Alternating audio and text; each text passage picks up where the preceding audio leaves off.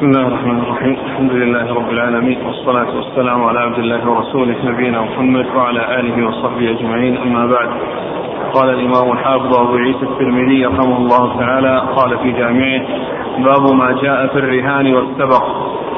قال حدثنا محمد بن وزير الواسطي. قال حدثنا إسحاق بن يوسف الأزرق عن سفيان عن عبيد الله عن نافع عن ابن عمر رضي الله عنهما أن رسول الله صلى الله عليه وآله وسلم أجرى المضمر من الخيل من الحفياء إلى ثنية الوداع وبينهما ستة أميال وما لم يضمر وما لم يضمر من الخيل من ثنية الوداع إلى مسجد بني زريق وبينهما ميل وكنت في من أجرى فوثب بي فرسي جدارا.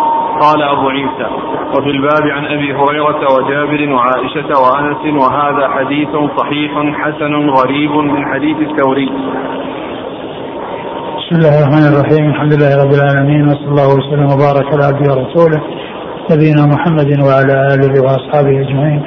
أما بعد فيقول الإمام أبو عيسى الترمذي رحمه الله في جامعه باب في الرهان والسبق. والمقصود من ذلك السبق الذي يكون في استعمال الرمي وكذلك الخيل و وكذلك الخيل والإبل يعني في المسابقة لأن ذلك من وسائل الحرب ومن الإعداد للحرب وقد جاءت الشريعة بذلك. وذلك فيما إذا كان على سبيل الجعل الذي يجعله للمتسابقين وأما المسابقة بغير جعل فإنها تجوز في غير ذلك كالمسابقة على الأقدام وكان النبي صلى الله عليه وسلم يجري الخيل في المسابقة ويجعل لها أمدا يختلف باختلاف قوتها وضعفها.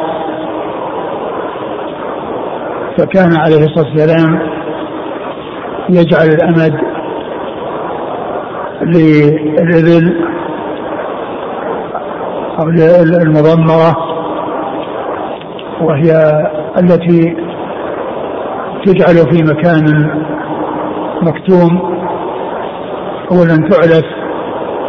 حتى إذا سمنت وجعلت في مكان مكتوم وجللت وأعطيت طعاما يسيرا فإذا حصل العرق لها لأن ذلك كان ذلك سببا في اكتناز لحمها وقوته وصلابته فيكون ذلك أنشط لها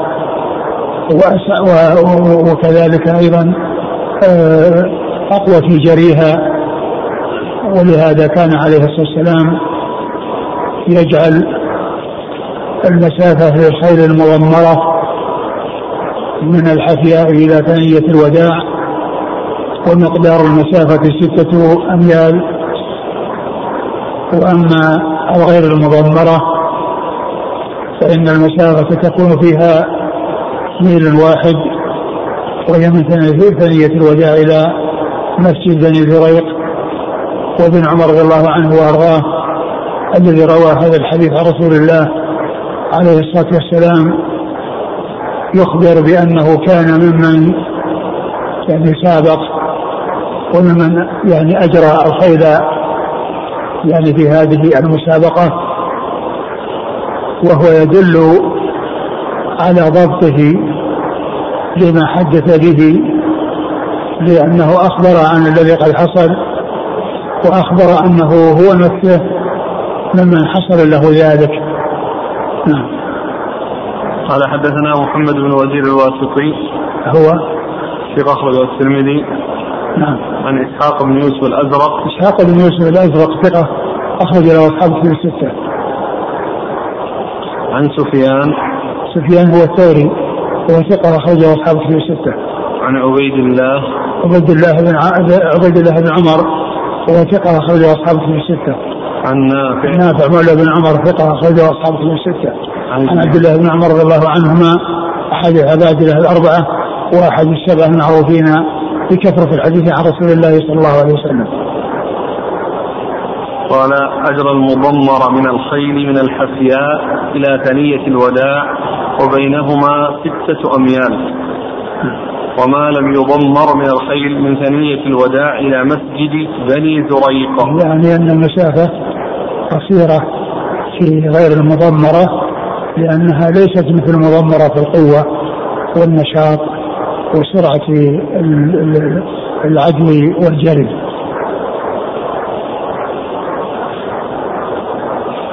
وكنت في من أجرى فوثب بي فرسي جدارا. يعني كان ممن أجرى وسابق وتقدم ووثب به فرسه يعني معناه أنه تجاوز. يعني آه، فرماه على جدار أو من فوق جدار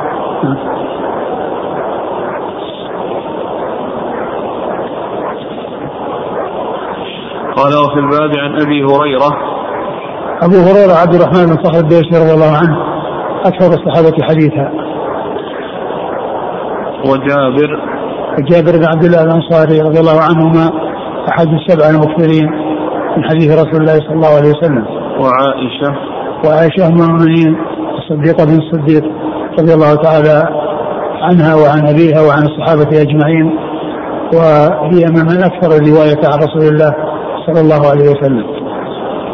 وأنس وانس بن مالك رضي الله عنه خادم رسول الله صلى الله عليه وسلم واحد السبع المكثرين من حديثه. قال حدثنا أبو كريب قال هؤلاء الذين رووا يعني هذا الحديث رووا الحديث بذلك وهم ابن عمر و وأبو هريرة وجابر وعائشة. وأنس هؤلاء الخمسة هم من السبعه المكثرين من حديث رسول الله صلى الله عليه وسلم.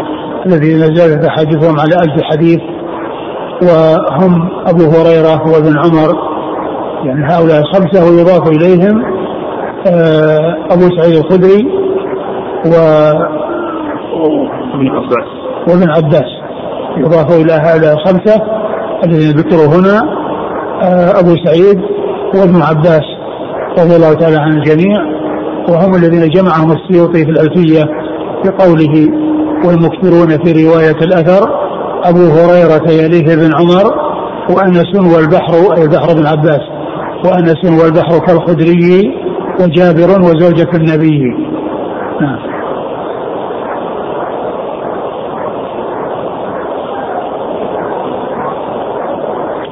قال حدثنا أبو كريب قال حدثنا وكيع عن ابن أبي ذئب عن نافع بن أبي نافع عن أبي هريرة رضي الله عنه عن النبي صلى الله عليه وآله وسلم أنه قال لا سبق إلا في نصل أو خف أو حافر. قال أبو عيسى هذا حديث حسن. ثم أبو عيسى حديث أبي هريرة رضي الله عنه. أن النبي صلى الله عليه وسلم قال لا سبق إلا في نصل أو خف أو حافر. والسبق المراد به العوض الذي يعطى للسابق من المتسابقين. على الخير وكذلك ما يعطى للمتراميين اللذان يستعملان الرمي ويتنافسان فيه ويتسابقان فيه في معرفة الإصابة. وكذلك مثل ذلك أيضا الخبز الذي هو الإبل. فلا سبق أي لا جعل يعني يكون في المسابقة إلا في هذه الأمور الثلاثة لأنها من وسائل الجهاد ومن العدة للجهاد. ويكون الجعل من غير المتسابقين. فيكون الجعل من غير المتسابقين. وقد قال بعض أهل العلم إن الأمر مقصور على الثلاثة التي هي الرمي وكذلك الخيل وكذلك الإبل. لأن هذه هي التي تستعمل في الجهاد ولأنها من وسائل الجهاد. فالإبل والخيل من مركوبات الجهاد والرمي من الإعداد للجهاد وهو الذي لا بد منه في الجهاد. والنبي صلى الله عليه وسلم لما يعني آه، والنبي صلى الله عليه وسلم فسر قول الله عز وجل وأعدوا لهم ما من قوة. قال لا إنه قوة الرمي لا إنه قوة الرمي. فكانت هذه الأمور الثلاثة جاء فيها أن السبق يكون فيها وهو ما يجعل للمتسابقين. وبعض أهل العلم قال إن يعني غيرها أو غير غير الإبل يعني مثل الفيل وكذلك غير الفرس أو الخيل من البغال والحمير. أيضا أنه يعني يسابق عليها ويكون فيها الجهل وبعضهم يقول إنها ليست كذلك لأنها ليست من وسائل الجهاد فلا يجاهد على الحمير وعلى البغال وإنما يجاهد على الخيل وعلى الإبل. نعم. قال حدثنا أبو كريب أبو كريب محمد بن العلاء بن كريب وهو ثقة أخرج له أصحاب في الستة عن وكيع وكيع بن الجراح الرؤاسي الكوفي ثقة اخرجه أصحاب في الستة عن ابن أبي ذئب ابن أبي ذئب وهو محمد بن عبد الرحمن محمد بن عبد الرحمن آه، آه، آه، ثقة أخرجه أصحاب الستة. عن نافع بن أبي نافع وهو ثقة أخرجه أبو داود والترمذي والنسائي. نعم. عن أبي هريرة. عن أبي هريرة رضي الله عنه مرة يكره. في الحديث الذي سبق جاءت أسئلة هل تعرف هذه الأماكن الآن؟ لا مسجد تحديدها بالضبط لا لا لا لا, لا, لا المسجد الذي كان سابقا مسجد السبق هل هذا؟ ما أدري ما أدري هو صحيح. ان مسجد بني لا ادري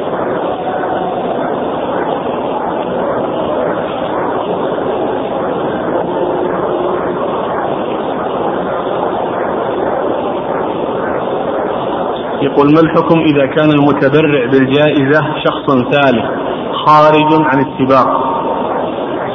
لا بأس بذلك. يعني هذا هو هذا هو الأصل الذي يكون الذي هذا جعل من الإمام أو من غيره.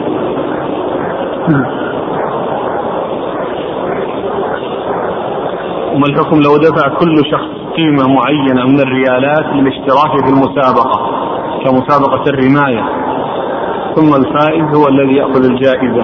هذا فيه خلاف يعني بين أهل العلم و لكن يعني كونه يصير من يعني منهما كذا يعني يكون شبيه بالقمار ما حكم مسابقة المتون العلمية وأخذ وجعل الجوائز عليها؟ نعم. مسابقة المتون العلمية. المتون نعم. العلمية. ما في بأس. يعني المنافسة هو وضع جعل لمن يعني آه، آه، يحفظ آه، القرآن أو يجيد حفظ القرآن أو يعني يعني يجعل يقدم بحوث يعني علمية. لأن هذا جعل من قام بهذه المهمة فإنه يكون له من قام بهذه المهمة فإنه يكون له سواء يكون واحد أو أكثر أو يعني أو عدد. على حسب التنظيم الذي يضعه الذي وضع الجعل.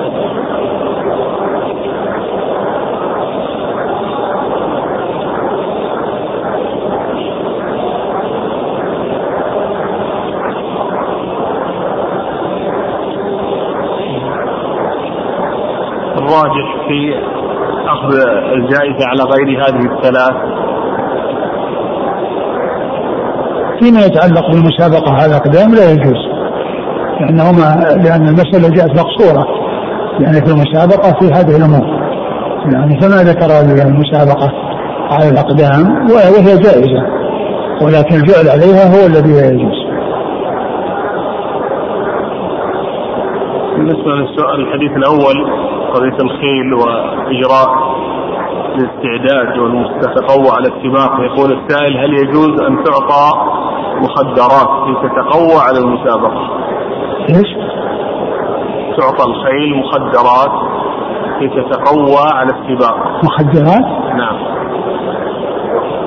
بال الشيء المحرم يعني لا يجوز استعماله. لا في الخير ولا في غير الخير.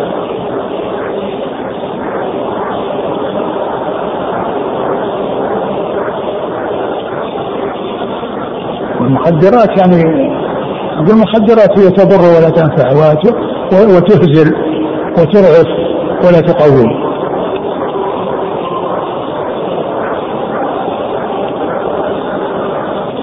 قال رحمه الله تعالى باب ما جاء في كراهية أن تنزل الحمر على الخيل. قال حدثنا أبو كريم قال حدثنا إسماعيل بن إبراهيم قال حدثنا أبو جهضم موسى بن سالم عن عبد الله بن عبيد الله بن عباس عن ابن عباس رضي الله عنهما أنه قال كان رسول الله صلى الله عليه وآله وسلم عبدا مأمورا. ما اختصنا دون الناس بشيء إلا بثلاث. أمرنا أن نسبغ الوضوء وأن لا نأكل الصدقة وأن لا ننزي حمارا على فرس. قال أبو عيسى وفي الباب عن علي رضي الله عنه وهذا حديث حسن صحيح.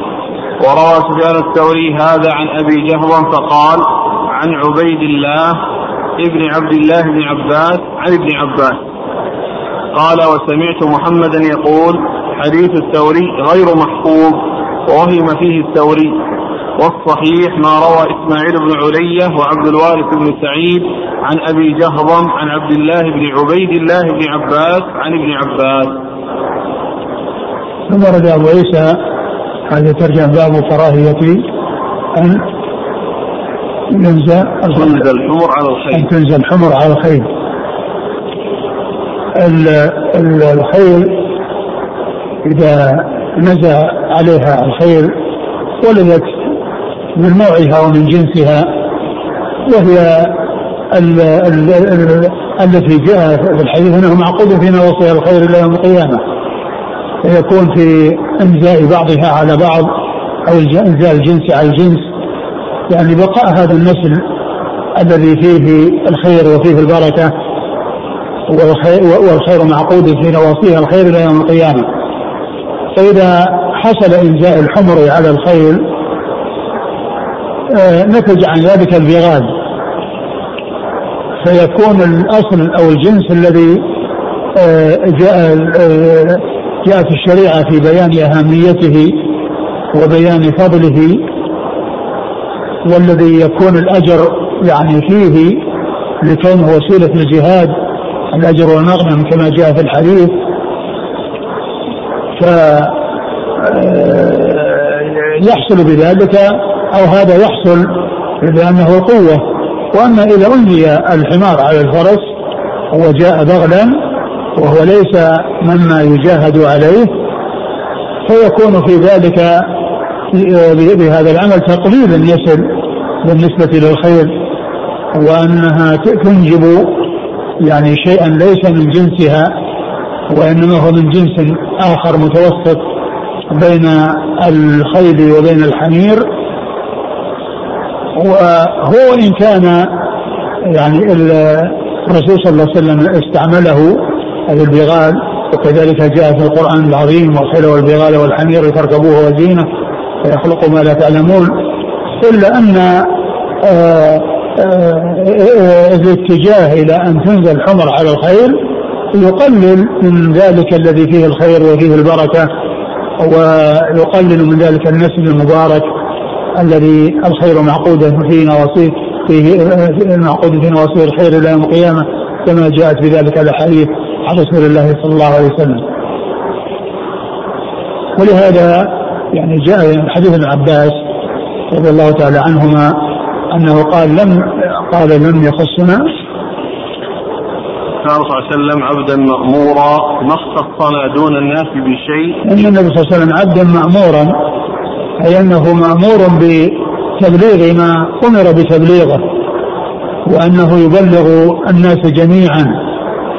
ولا يخص بتبليغه أحدا دون أحد وإنما رسالته عامة وميراثه مبذول لكل أحد وهو الحق والهدى الذي جاء به الرسول الكريم صلى الله عليه وسلم. ولهذا كان ميراث النبي صلى الله عليه وسلم العلم النافع وهو ميراث الأنبياء جميعا كما جاء في الحديث وإن العلماء ورثوا الأنبياء وإن الأنبياء لم يرثوا دينارا ولا درهما. وإنما ورثوا العلم فمن أخذ به أخذ بحظ وافر وهو عليه الصلاة والسلام عبد مأمور مأمور بتبليغ الرسالة. وقد بلغ البلاغ المبين. وما ترك أمرا يقرب إلى الله إلا وقد دل الأمة عليه. وما ترك أمرا يباعد من الله إلا وقد حذر الأمة منه. صلوات الله وسلامه وبركاته عليه. وترك الناس على بيضاء ليلها كنهارها لا يزيغ عنها إلا هالك. صلوات الله وسلامه وبركاته عليه. قال لم يخصنا من دون الناس بشيء.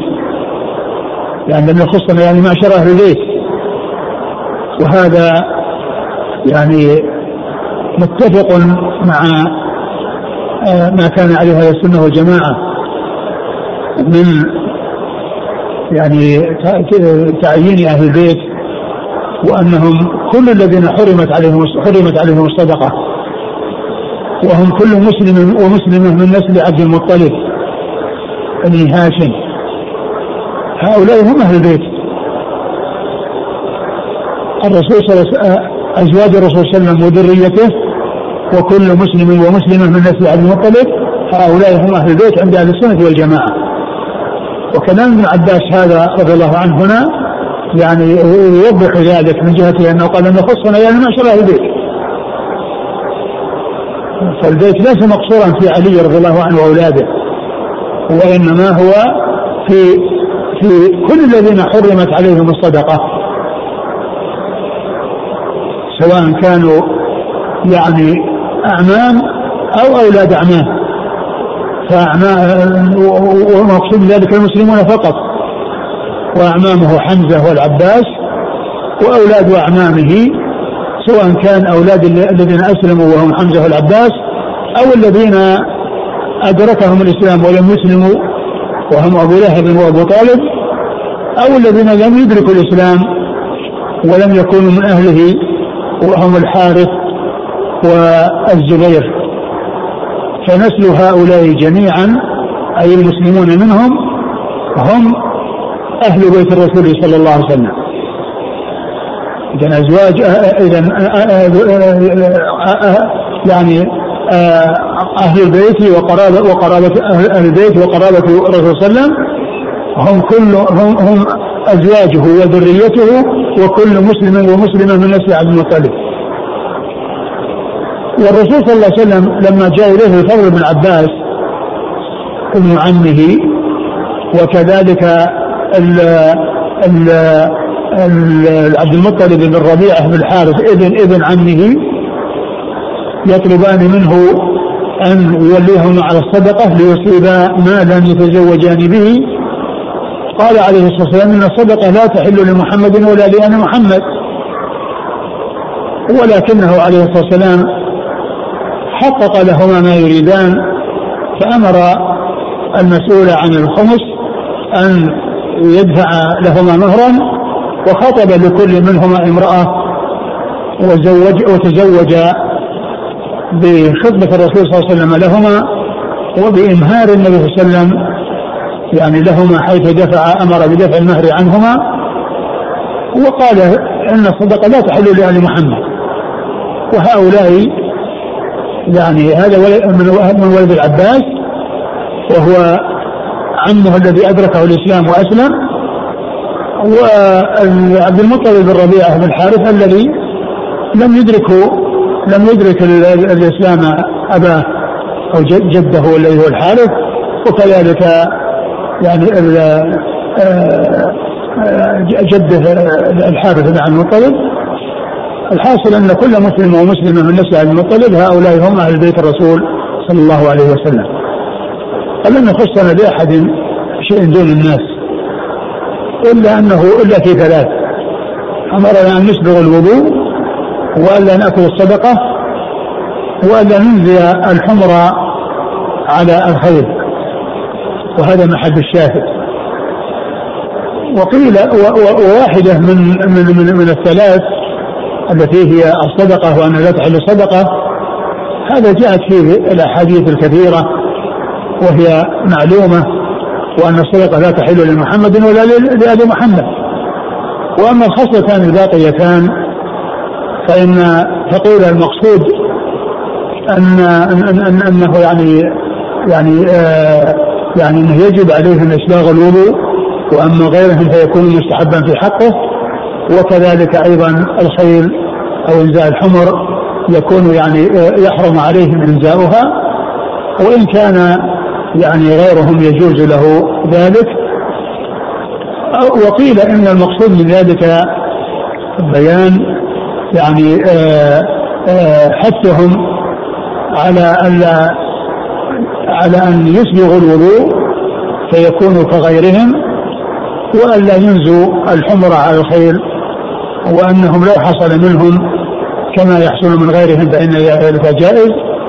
وقيل كما ذكرت إن إن آه إن إسباغ الوضوء وهو يعني آه أزيد من حصول آه تأدية ما يكون به الواجب وهو الذي يحصل فيه آه، تكراره إلى أن يصل إلى حد الثلاث هذا هو الإسباغ وأما الغسلة الواحدة فإن هذه هي الفرض الذي لا بد منه. وما زاد الواحدة فهو الإسباغ فهو الإسباغ وبعض أهل العلم قال إن الإسباغ واجب على أهل البيت. وبعضهم قال إنه ليس بواجب ولكنهم خصوا بالذكر لمزيد. العناية والاهتمام بكونهم يأتون بهذا الشيء العظيم الذي هو الإسباغ وكذلك أيضا فيما يتعلق بالخيل وأنهم آآ آه، آه، لا ينزون الحمر على الخيل لا, لا ينقطع النسل وقيل ال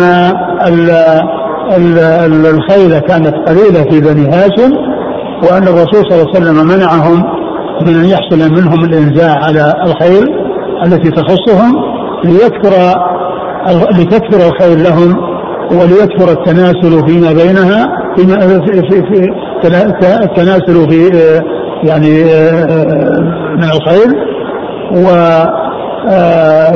فبذلك يحصل لهم الكثرة بعد أن كانت القلة موجودة فيهم أي قلة الخير نعم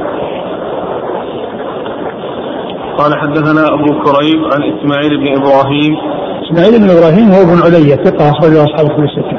عن أبي جهرم موسى بن سالم وهو صدوق صدر أصحاب السنن. نعم. عن عبد الله بن عبيد الله بن عباس. عبد الله بن عبيد الله بن عباس هو ثقة صدر أصحاب السنن. نعم. عن ابن عباس.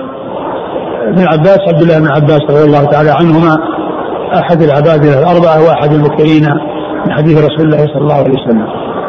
قال وفي الباب عن علي علي بن أبي طالب أمير المؤمنين ورابع الخلفاء الراشدين الهادين المهديين صاحب المناقب الجمة والفضائل الكثيرة وحديثه عند أصحاب الكتب الستة. قال وروى سفيان الثوري هذا عن أبي جهضم فقال عن عبيد الله بن عبد الله بن عباس.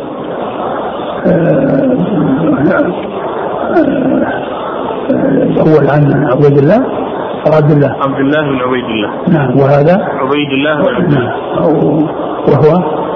سفيان الثوري. وروى سفيان الثوري هذا عن قال وسمعت محمدا يقول حديث الثوري غير محفوظ وهم فيه الثوري. والصحيح ما روى إسماعيل بن علية وعبد الوارث بن سعيد عن أبي جهضم عن عبد الله بن عبيد الله بن عباس عن ابن عباس.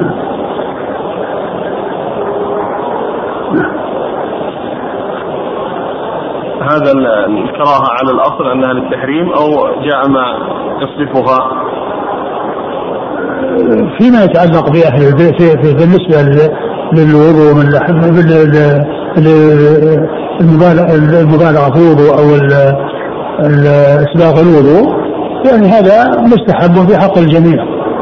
ولكن بعض أهل العلم قال إن هذا الحديث يدل على وجوبه على أهل البيت.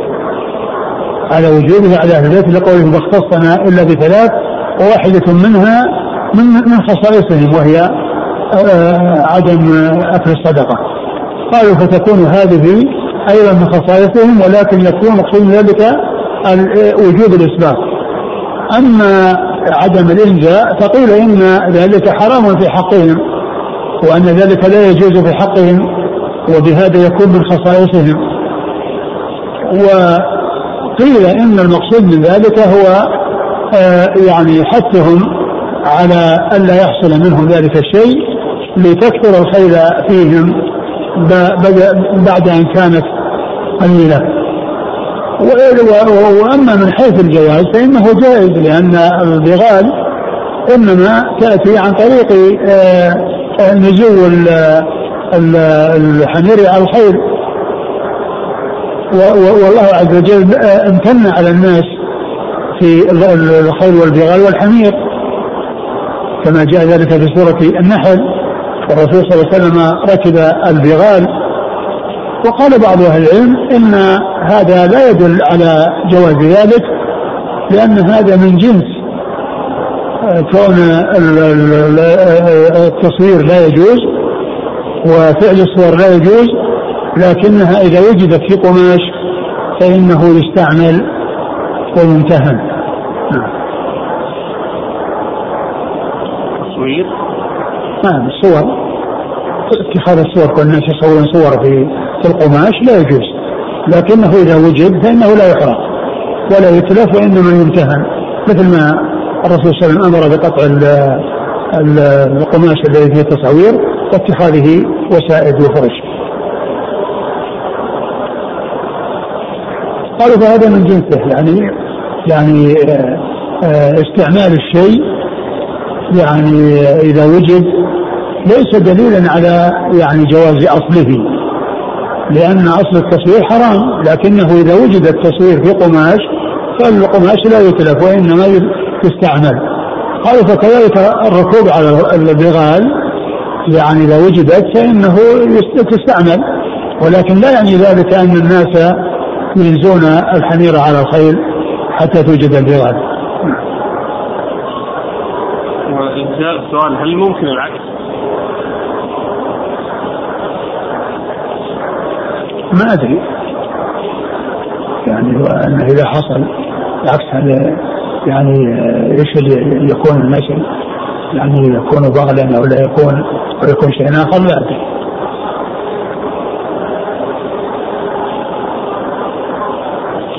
قال رحمه الله تعالى باب ما جاء في الاستفتاح بصعاليك المسلمين قال حدثنا أحمد بن محمد بن موسى قال حدثنا عبد الله بن مبارك قال أخبرنا عبد الرحمن بن يزيد بن جابر قال حدثنا زيد بن ارطاه عن جبير بن نفير عن أبي الدرداء رضي الله عنه أنه قال سمعت النبي صلى الله عليه وآله وسلم يقول ابغوني ضعفاءكم فإنما ترزقون وتنصرون بضعفائكم.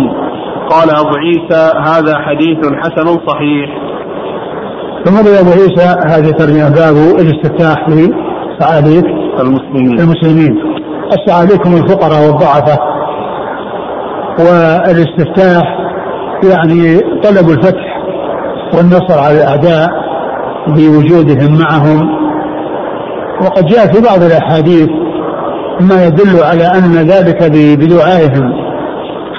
ويعني كونهم يدعون الله عز وجل ويعني آه، آه، إجابة دعائهم يعني آه، تحصل لضعفهم وافتقارهم وشدة حاجتهم إلى الله وانكسار أحوالهم وإقبالهم على الله عز وجل بالدعاء فيكون ذلك من أسباب قبول دعائهم. وقد جاء في بعض الأحاديث أن ذلك بسبب دعائهم وأنه ليس المقصود الذوات وإنما المقصود من ذلك الدعاء الذي يحصل منهم كما جاء في بعض الأحاديث التي بينت هذا عن رسول الله صلى الله عليه وسلم. نعم. ابغوني ضعفاءكم فإنما ترزقون وتنصرون بضعفائكم. نعم. يعني ترزقون يعني يحصل الرزق لهم بسبب يعني ضعفائهم وكذلك ينصرون بسبب ضعفائهم يعني والمقصود من ذلك آه، دعاؤهم. نعم. يعني كلمة صعلوك السعودية هو الفقير الشديد الفقر. قال وقد جاء في الحديث الذي يعني يقول رب أشعث أغبر لو أقسم على الله لأبره يعني لشدة فقره ويعني آه، آه، سكينته وتواضعه. وافتقاره إلى الله عز وجل وإقباله عليه أنه لو اقسم على الله لابره يعني ومعنى ذلك أنه لو يعني لو لو لو دعا أجاب دعاءه أنه إذا حصل من الدعاء يجاب دعوته. نعم. قال حدثنا أحمد بن محمد بن موسى. وهو ثقة أخرج له. البخاري والترمذي والنسائي. نعم. عن عبد الله المبارك. وهو ثقة أخرجه أصحاب كتب الستة. عن عبد الرحمن بن يزيد بن جابر. وهو ثقة أخرج له أصحاب الكتب. أصحاب الكتب. عن زيد بن أرطاة. عن زيد بن أرطاة هو؟ ثقة أخرج أبو داود والترمذي والنسائي. نعم. عن جبير بن نفير. وهو ثقة أخرج له البخاري. بعد المفرد. بعد المفرد ومسلم وأصحاب السنة. عن أبي الدرداء. عن أبي الدرداء عويمر رضي الله عنه أخرج له أصحاب كتب الستة. هذا الأخ أتى بالفائدة الفرق بين مردويه وابن مردويه. نعم. هذا اللي معنا أحمد بن محمد بن موسى. مردويه. هذا الذي يلقب مردويه. نعم. وقد ينسب إلى جده فيقال أحمد بن موسى. وأخرج البخاري والترمذي والنسائي وحدثوا عنه مباشرة. نعم. قال الذهبي في السير وكان مكثرا عن ابن المبارك. ثقة توفي سنة 238 أما ابن مردوية الذي يرد في التفسير كثيرا فهو أبو بكر أحمد بن موسى. أحمد بن موسى؟ أي. وهذا محمد؟ أحمد بن لا محمد. الذي معنا أحمد بن محمد بن موسى. أحمد بن محمد بن موسى. وهذا أيضا يعني يشبه هذا الاسم. أحمد بن موسى؟ أي. نعم. خاصة إذا نسب ذاك إلى جده. نعم. الأول أحيانا ينسب إلى جده. شيء يشبهه نعم. إذا نسب إلى جده أشبهه. الاسم نعم. آه، آه، هذا أحمد بن موسى بن مردوي الأصفهاني. متأخر ليس له إلا الكتب الستة. وفاته 410 410 410 نعم. نعم. يعني هذا في يعني قليل من زمن أبي نعيم. أبي نعيم 430 وقليل من زمن الح- الحاكم 405 الحاكم 405 وأبو نعيم 430 وهو بينهما.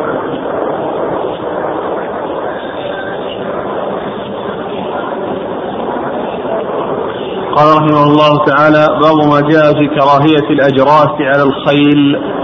قال حدثنا قتيبة قال حدثنا عبد العزيز بن محمد عن سهيل بن أبي صالح عن أبيه عن أبي هريرة رضي الله عنه أن رسول الله صلى الله عليه وآله وسلم قال لا تصحب الملائكة رفقة فيها كلب ولا جرس. قال أبو عيسى وفي الباب عن عمر وعائشة وأم حبيبة وأم سلمة رضي الله عنهم. وهذا حديث حسن صحيح. ثم أبو عيسى باب في الأجراس. في كراهية الأجراس على الخيل يعني تعليقها على الخيل تعليقها في رقابها بحيث مشت وتحركت. حصل الرنين في هذه الأجراس. وهذه الأجراس هي التي يقال لها الجلجل الذي يكون له رنين وإنما حرم ذلك لما لأنه جاء في الحديث أنه من مزامير الشيطان. الجرس من مزامير الشيطان. وأيضا فيه فيه مشابهة للنصارى في يعني نواقيسهم وحصول يعني تلك الأصوات. يعني منهم يعني الذي هو يعني مقابل يعني الأذان عند المسلمين سيكون في ذلك مشابهة للكفار. فإذا التحريم لما جاء في الحديث مع أنها مزامير الشيطان وأيضا يعني ما فيه من المشابهة للنصارى يعني في نواقيسهم. أورد آه، الترمذي رحمه الله حديث أبي هريرة. حديث أبي هريرة أن النبي صلى الله عليه وسلم قال لا تصحب الملائكة. ومقصود ذلك ملائكة الرحمة. لا تصحب الملائكة آه، آه، ركبا. رفقة. رفقة فيهم كلب ولا جرس. فيهم كلب وهذا يعني لأن الكلاب يعني آه، اصطحابها إلا في الأمور الثلاثة التي وردت فيها. واقتناءها واتخاذها في الأمور الثلاثة التي وردت فيها يعني لا يجوز. وذلك يعني آه، بما يحصل من النقص من الأجر بسبب اتخاذها لغير ما جاءت الشريعة باتخاذه وكذلك كون الملائكة يعني الملائكة لا تصحب يعني أو لا لا تدخل البيت الذي فيه كلب. وكذلك لا تصحب الرفقه الذين معهم كلب وكذلك أيضا الجرس الذي يعني هو مزامير الشيطان والذي أيضا فيه تشبه بالنصارى في مواقيسهم نعم. قال حدثنا قتيبة. قتيبة ثقة قتيبة بن سعيد ثقة أخرجه أصحاب الكتب الستة. عن عبد العزيز بن محمد. هو الدراوردي صدوق أخرجه أصحاب الكتب الستة. عن سهيل. سهيل بن أبي صالح وهو صدوق أخرجه أصحاب الكتب وروايته في البخاري مقول. عن أبيه أبي صالح وهو اسمه ذكوان ولقبه السمان ويقال الزيات وهو ثقة أخرجه أصحاب الكتب الستة وأبو هريرة رضي الله عنه مر ذكره. قال وفي الباب عن عمر عمر بن الخطاب رضي الله عنه أمير المؤمنين وكان من الخلفاء الراشدين الهادي المهديين صاحب المناقب الجمة والفضائل الكثيره وحديثه عند أصحاب الكتب الستة. وعائشة نعم وأم حبيبة أم حبيبة هي رملة بنت أبي سفيان وأم المؤمنين رضي الله عنها وحديثها أخرجه أصحاب الكتب الستة. وأم سلمة وأم سلمة هند بنت أبي أمية أم المؤمنين أم المؤمنين رضي الله عنها وحديثها أخرجه أصحاب الكتب الستة. الكراهة هنا. التحريم. طيب التحريم. إنها مجامع للشيطان.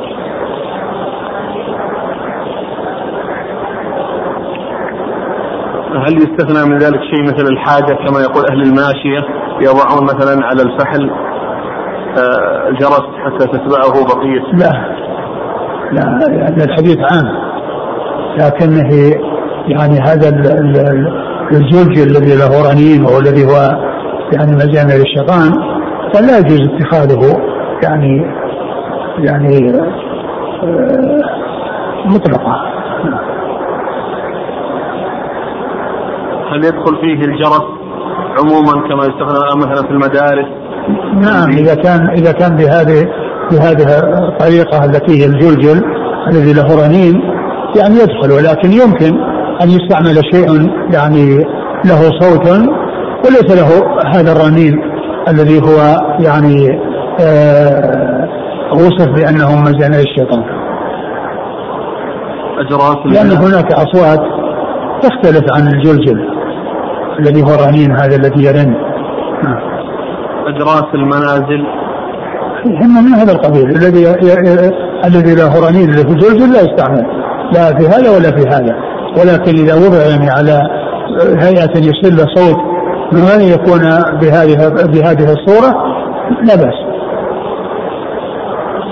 أسئلة تنبه إلى نغمات الجوال في هذا الزمان هل تدخل الجوال فيه نغمات يعني آه، لا محذور فيها وهي وجود صوت لا لا ليس فيه موسيقى وليس فيه يعني شيء محذور لا بأس. مثل مثل الساعة مثل صوت الساعة منبه الساعة. يعني إذا كان يعني آه، صوت يعني ليس فيه آه، صوت الجلجل وليس فيه موسيقى فإن ذلك لا بأس به. أما إذا كان يعني فيه الرنين الذي هو مثل الجلجل وكذلك أيضا الموسيقى التي يعني الآن تتخذ يعني في الجوالات فإن ذلك لا يجوز وإنما يتخذ صوت لا محذور فيه. ينبه الإنسان أي تنبيه يعني فيه في مكالمة فيستعمل الجوال. أما كون يضع فيه أشياء موسيقى أو يضع فيها يعني صوتا مثل صوت الجرس الذي هو الجلجل فهذا لا. ومما الحقيقة ينبه عليه بالنسبة للجوالات أن بعض الناس إذا جاء إلى مسجد يبقي الجوال مفتوحا يبقيه مفتوحا ثم يرن. وبعض الناس إذا إذا تركه مفتوحا أو نسيه مفتوحا وإن لم يتركه عمدا ثم جعل يرن لا يذهب لإيقافه وإسكاته. يعني لعل ذلك أن هذه حركة في الصلاة. وهذه الحركة من أجل آه، يعني إقتال هذا الذي فيه تشويش على الناس هذه لا بأس بها ولا مانع منها وهي أهون من قضية التشويش على الناس يعني في صلاتهم. والذي على الإنسان يعني إذا دخل المسجد أن يقتل الجوال ولا يبقيه مفتوحا يشوش على الناس. وإذا نسيه مفتوحا ثم حصل آه، اتصل به وطلع الصوت فإنه يبادر إلى إيقافه وإسكاته ولا يتركه يشوش على الناس. وكونه يبادر إلى يحرك يده ويبادر إلى اقفائه وإقباله أهون من مضرة كونه يبقى مفتوحا. كل ما حصل اتصال وإذا يعني يرن ويشوش على الناس. نعم. أحسن الله ما رأيكم الآن بمن يستبدل هذه النغمات الجوال بأذان؟ يعني يجعل بدل ما يرن يقول يأذن. والله يعني يعني كونه يعني لا بأس بذلك لكن كونه يعني يجعل يعني صوتا يعني خفيف يعني لا تشويش فيه يعني لا بأس بهذا قال رحمه الله تعالى باب ما جاء من يستعمل على الحرب. قال حدثنا عبد الله بن أبي زياد. قال حدثنا الأحوص بن الجواب أبو الجواب عن يونس بن أبي إسحاق عن أبي إسحاق عن البراء رضي الله عنه أن النبي صلى الله عليه وآله وسلم بعث جيشين وأمر على أحدهما علي بن أبي طالب رضي الله عنه وعلى الآخر خالد بن الوليد رضي الله عنه فقال إذا كان القتال فعلي. قال فافتتح علي حصنا فأخذ منه جارية فكتب معي خالد بن الوليد إلى النبي صلى الله عليه وآله وسلم يشي به. فقدمت على النبي صلى الله عليه وآله وسلم فقرأ الكتاب فتغير لونه ثم قال ما ترى في رجل يحب الله ورسوله ويحبه الله ورسوله؟ قال قلت أعوذ بالله من غضب الله وغضب رسوله. وإنما أنا رسول فسكت. قال أبو عيسى وفي الباب عن ابن عمر رضي الله عنهما وهذا حديث حسن غريب لا نعرفه إلا من حديث الأحوص بن جواب قوله يشي به يعني النميمة. فمر أبو عيسى باب من يستعمل في القتال. من يستعمل على الحرب. من يستعمل الحرب. من يستعمل يعني يولى ويكون أميرا أو عاملا. يكون عاملا يعني بحيث يكون هو المسؤول عن القيادة وأن يكون مرجعا للجيش. هذا هو المقصود من الترجمة من يستعمل على الحرب أي من يجعل عاملا أو يجعل أميرا على الجيش يكون مرجعا لهم. وهذا شيء لا بد منه لأن الأمير في الجيش الذي يرجع الناس إليه ويصدرون عن رأيه ويقوم بتنظيم يعني الجيش وتهيئته وإعداده وتوجيهه وكونهم يقدمون ويحجمون بناء على أمره لأن هذا من الأمور التي لا بد منها في الحرب ولا بد منها للجيوش. والذي يستعمل من يكون أهلا يعني لذلك. ويكون معروفا بقدرته وأمانته وحنكته. وقد أورد أبو عيسى حديث البراء. البراء بن عازب رضي الله تعالى عنهما أن النبي صلى الله عليه وسلم بعث جيشين وأمر على أحدهما عليا وعلى الآخر خالد بن الوليد وقال لهما إذا كان قتال فعلي.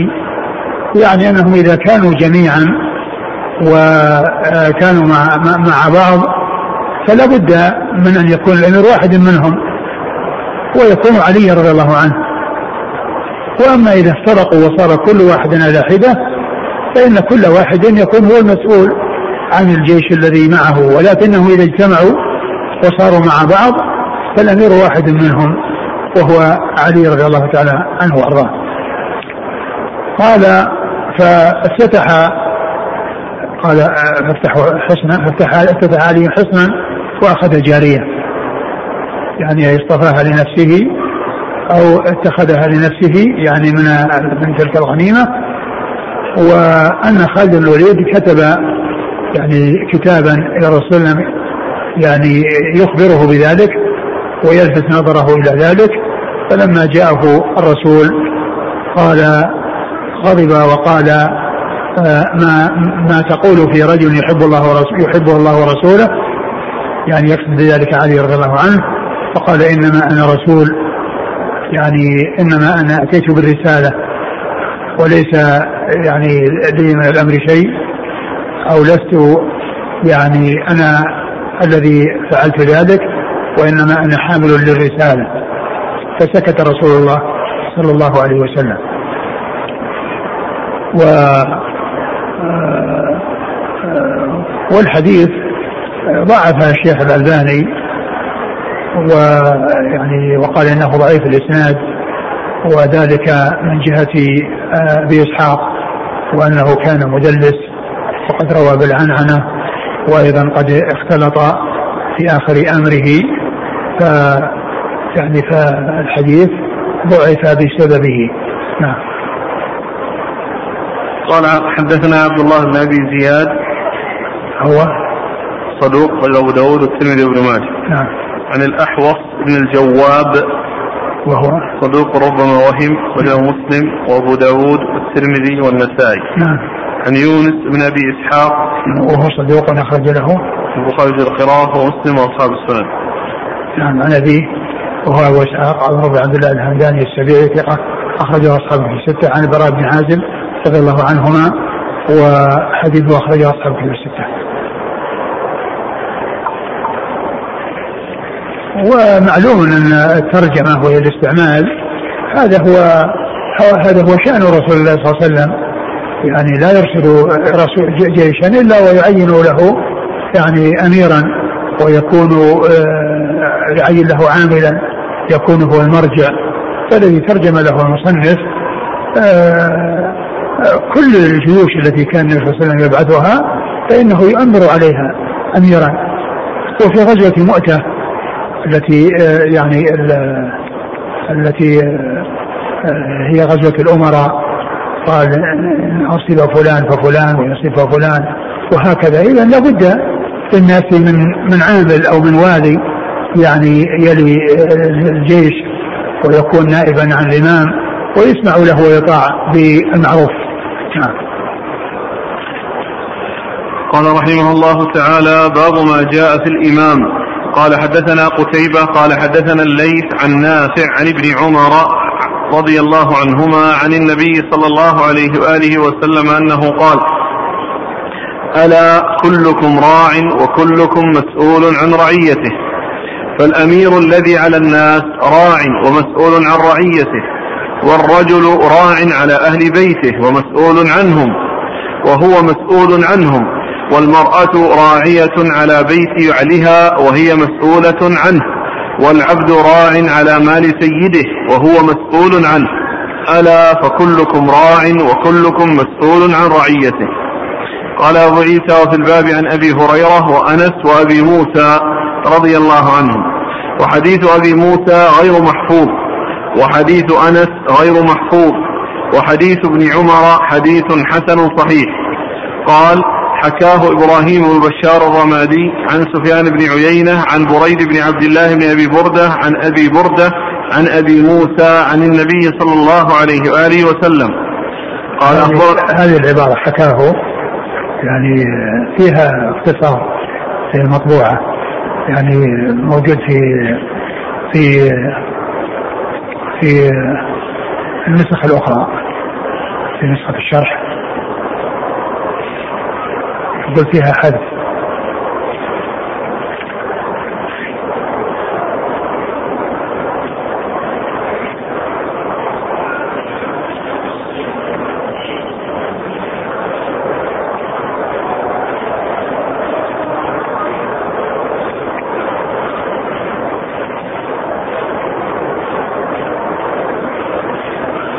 حكاه كتبوا ورواه.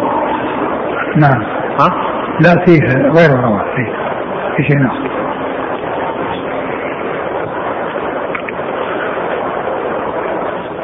الكلام البخاري سيأتي الظاهر مو بعد. نعم. بعده؟ نعم. نعم. حكاه روى هذه ما أقول الأمر فيها سهل. يعني حكاه وفي بعضها رواه لكن المقصود الاختصار في فيما بعد عند ذكر البخاري.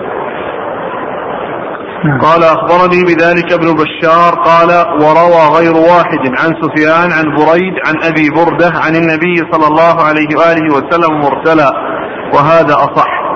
قال محمد. وروى إسحاق بن إبراهيم عن معاذ بن هشام عن أبيه عن قتادة عن أنس رضي الله عنه عن النبي صلى الله عليه وآله وسلم ان الله سائل كل راع عما استرعاه. قال سمعت محمدا يقول هذا غير محفوظ وانما الصحيح عن معاذ بن هشام عن ابيه عن قتاده عن الحسن عن النبي صلى الله عليه واله وسلم مرسلا. يعني وين؟ في الحدث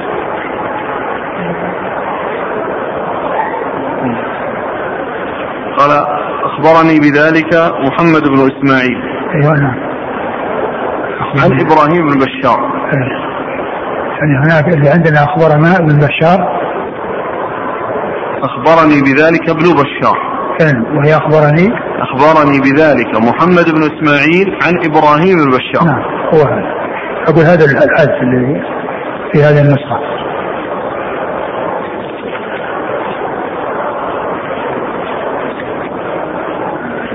انتهى. هنا.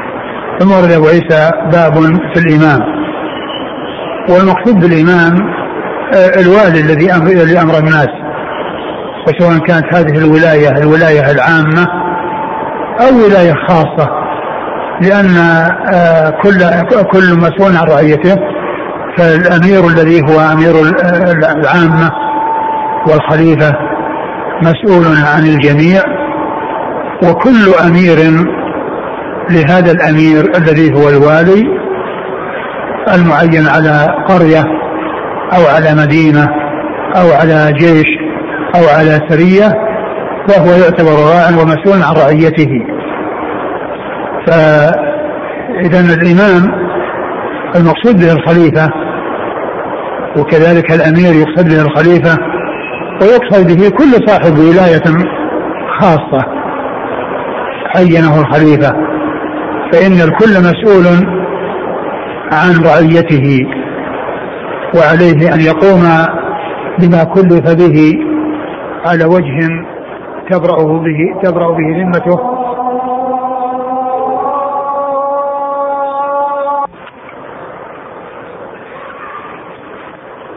ثم أورد المصنف رحمه الله هذا الحديث آه، على على على كلكم راع وكل مسؤول عن رعيته. وهذه جملة عامة جاءت في الأول ثم فصلت أو ذكر شيء مما يندرج تحتها في الجمل التي بعدها. وقوله ألا هذا للتنبيه. كلكم راع وكل مسؤول عن رعيته. ثم قال فالأمير الذي على الناس راع ومسؤول عن رعيته. وهذا يشمل الأمير الذي هو الخليفة والوالي الأعظم العام للناس وكذلك أيضا الأمراء الذين يكون على النواحي والمدن والقرى وكذلك الأمراء الذين يكون على الجيوش. كل هؤلاء رعاة ومسؤولون عن رعيتهم وكل على حسب ولايته. فمنهم من تكون مسؤولية كبيرة لكثرة الذين هو مسؤول عنهم ومنهم من تكون أقل لقلة الذين هو مسؤول عنهم. ثم قال عليه السلام ف والرجل راع في أهل بيته ومسؤول عن رعيته فإنه مسؤول عن أهل بيته عن زوجته وأولاده يعني من حيث النفقة عليهم والإحسان إليهم وتنشئتهم وتربيتهم وتحصيل الخير لهم ودفع الأضرار عنهم والمرأة راعية في بيت زوجها ومسؤولة عن رعيتها كذلك مسؤولة عن أولادها وعن آه، تربيتهم وتنشئتهم وكذلك فيما هو موجود في بيت زوجها من المحافظة عليه وعدم إتلافه أو إضاعة شيء منه أو يعني التبذير والإسراف وفعل ما لا يسوق ولا يجوز لها مما يعني يكون في البيت. وكذلك الخادم راع في مال سيده الذي يكون تحت يده بحيث يحافظ عليه و آه، يبتعد عن أي شيء يكون فيه اتلاف له أو إضاعة له. ثم قال وكلكم راع وكلكم مسؤول عن رعيته. قال في الآخر نعم وكلكم الا وكلكم راع وكل مسؤول بدأ بدأ بها وختم بها. بدأ بها وختم بها. وهذا يدل على أيضا من شأن المسؤولية وأن من كان مسؤولا عن شيء سواء كان عاما أو خاصا فإنه يجب عليه أداء الأمانة وإبراء ذمته وأداء الأمانة يكون بالقيام بما هو واجب عليه على وجه يطمئن إلى أن ذمته برئت بذلك. نعم. قال حدثنا قتيبة عن الليث الليث بن سعد المصري ثقة أخرجه أصحابه في الستة. عن نافع عن ابن عمر. نافع عن عمر مر ذكرهما. قال وفي الباب عن أبي هريرة وأنس وأبي موسى أبو موسى عبد الله بن قيس الأشعري رضي الله عنه أخرج حديثه أصحاب كتب الستة. وحديث أبي موسى غير محفوظ وحديث أنس غير محفوظ وحديث ابن عمر حديث حسن صحيح قال حكاه إبراهيم بن بشار الرمادي عن سفيان بن عيينة. إبراهيم بن بشار هو؟ حافظ له أوهام وله أبو داود والترمذي. نعم. عن سفيان بن عيينة. سفيان بن عيينة المكي ثقة أخرجه أصحاب كتب الستة. عن بريد بن عبد الله. بريد بن عبد الله بن أبي بردة ثقة أخرجه أصحاب كتب الستة. عن أبي بردة. أبو بردة هو ثقة أخرجه أصحاب كتب الستة. عن أبي موسى. أبو موسى عبد الله بن قيس أبو موسى الأشعري أخرجه أصحاب كتب الستة. قال أخبرني بذلك محمد بن إسماعيل عن إبراهيم بن بشار قال محمد وروى غير واحد عن سفيان عن بريد عن أبي بردة عن النبي صلى الله عليه وسلم مرسلا وهذا أصح. قال محمد وروى إسحاق بن إبراهيم. إسحاق بن إبراهيم هو الأزرق. إسحاق بن إبراهيم. الراهوية. إسحاق بن إسحاق بن إبراهيم الراهوية نعم. أخرجه أصحاب كتب إلا ابن ماجه. عن معاذ بن هشام. عن معاذ بن هشام هو صدوق ربما وهم أخرجه أصحاب الكتب. نعم. عن أبيه. هو ثقة أخرجه أصحاب الكتب الستة. عن قتادة عن أنس. نعم. قتادة بن دعامة السدوسي ثقة أخرج أصحاب في الستة. وأنس بن مالك خادم النبي صلى الله عليه وسلم. وأكثر من واحد مكثرين من حديثه. إن الله سائل كل راع عما استرعاه. نعم. قال سمعت محمدا يقول هذا غير محفوظ وإنما الصحيح عن معاذ بن هشام عن أبيه عن قتادة عن الحسن عن النبي صلى الله عليه وسلم مرسلا. الحسن بن أبي الحسن البصري ثقة أخرج أصحابه في الستة. انتهى قال باب ما جاء في طاعة الإمام نعم قال رحمه الله تعالى باب ما جاء في طاعة الإمام قال حدثنا محمد بن يحيى النيسابوري قال حدثنا محمد بن يوسف قال حدثنا يونس بن أبي إسحاق عن العزار بن حريث عن أم الحصين الأحمسية رضي الله عنها قالت سمعت رسول الله صلى الله عليه وآله وسلم يخطب في حجة الوداع وعليه برد قد قد التفع به من تحت إبطه. قالت فأنا أنظر إلى عضلة عضده ترتج والله تعالى أعلم وصلى الله وسلم وبارك على عبده ورسوله نبينا محمد وعلى آله وأصحابه أجمعين جزاكم الله خيرا وبارك الله فيكم ونفعنا الله بما سمعنا وغفر الله لنا ولكم وللمسلمين أجمعين.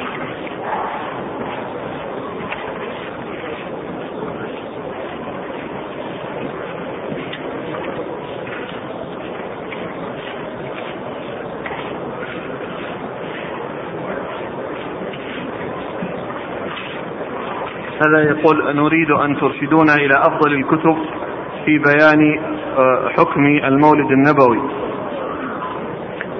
أحسن الكتب في بيان آه، حكم الاحتفال بالمولد النبوي وأنه من البدع وأنه لا يجوز.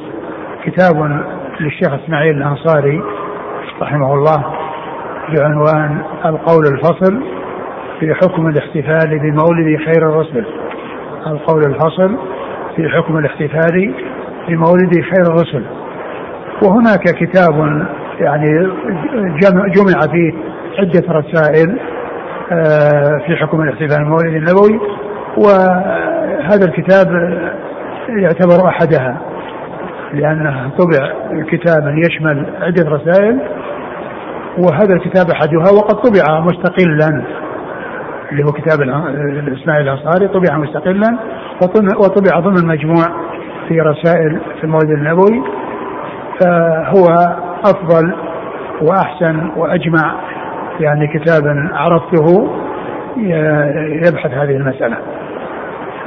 السؤال الثاني يقول آه، نريد أن ترشدنا إلى أحسن الكتب عن الصوفية في بيان عقائدهم وطرقهم. والصوفية هي كما هو معلوم أشكال وألوان وأصناف. يعني ما هناك كتاب يجمع يعني الصوفية وعقائدهم. ولا أعرف كتابا يعني في ذلك وإنما يعني في كتب في في في بعض الطوائف وبعض الفرق. وهناك كتب تتكلم عن الصوفية يعني بصفة عامة وبيان يعني أنها يعني أنها أمور محدثة وأنه ليس لها آه، يعني أساس من الدين لأنها مخالفة للطريقة التي كان عليها رسول الله صلى الله عليه وسلم وأصحابه. و وما أتذكر الآن كتاب معين آه، أذكر في كتاب للشيخ عبد الرحمن الوكيل رحمه الله اسمه هذه الصوفية. يعني فيه يعني يعني مفيد في هذا لكن أجمع كتاب وأشمل كتاب يتعلق بالموضوع ما, ما لا أعرف. لا أتذكر. هذا سؤال من معتمر يقول هل يجوز تكرار العمرة أكثر من مرة في نفس السفرة؟ نعم إذا كان الإنسان جاء من بلده واعتمر ثم جاء إلى المدينة ثم يذهب إلى مكة مرة ثانية فإنه يعتمر مرة أخرى. هذا شيء جيد. جزاكم الله خيرا. سبحانك اللهم وبحمدك